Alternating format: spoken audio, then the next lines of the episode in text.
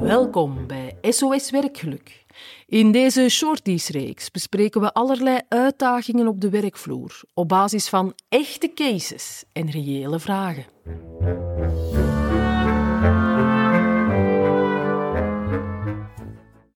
Welkom bij deze nieuwe aflevering van SOS Werkgeluk. We kregen alweer een interessante vraag toegestuurd.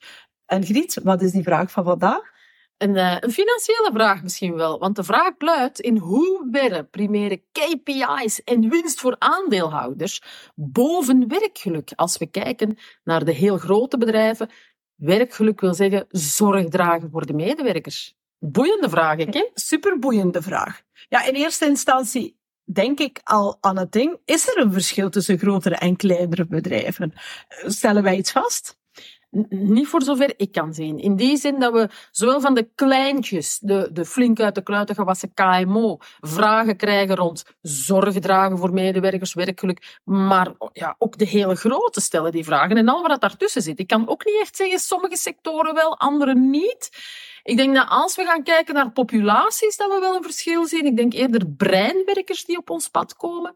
En um, overwegend een vrouwelijk publiek wel. Maar we ontmoeten ook mannen, we ontmoeten ook de blue collars, om het mhm. zo te noemen. Dus ik zie niet direct een verschil, maar ik vind het wel een terechte vraag. Want ja, als er aandeelhouders zijn, moeten die dan niet per se hè, x aantal winst kunnen uh, krijgen?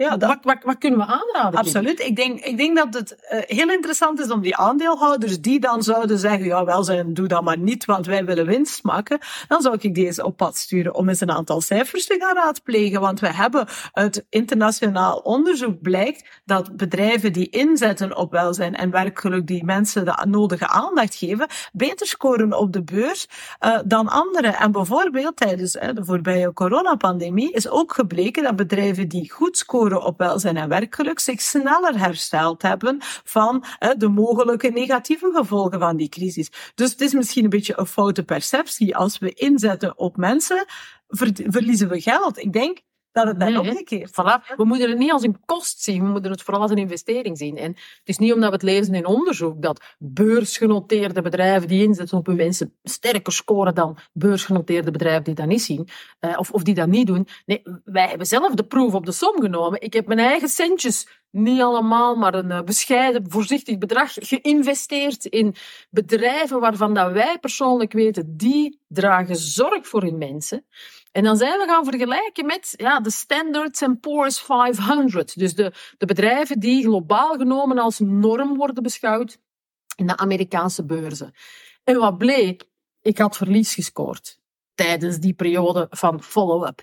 Maar beduidend minder verlies dan die Standards Poor's 500. Dus ik kan alleen maar zeggen dat het klopt. Als ik zorg draag voor mijn mensen, dan sta ik eigenlijk veel stabieler op de beurs. En dat is een, een, een feit dat heel veel bedrijven gewoon niet weten. Dat heel veel mensen gewoon niet beseffen. Dus breng dat verhaal ook naar de tafel, mocht die vraag zich stellen. Mhm.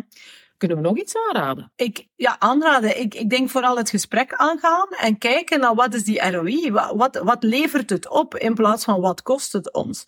En, en als we dan gaan kijken, dan is er, zijn er studies die zeggen dat 1 dollar die je investeert in welzijn en werkgeluk tot 3 dollar terug oplevert. Dus je kan dat een beetje met de euro gelijkstellen.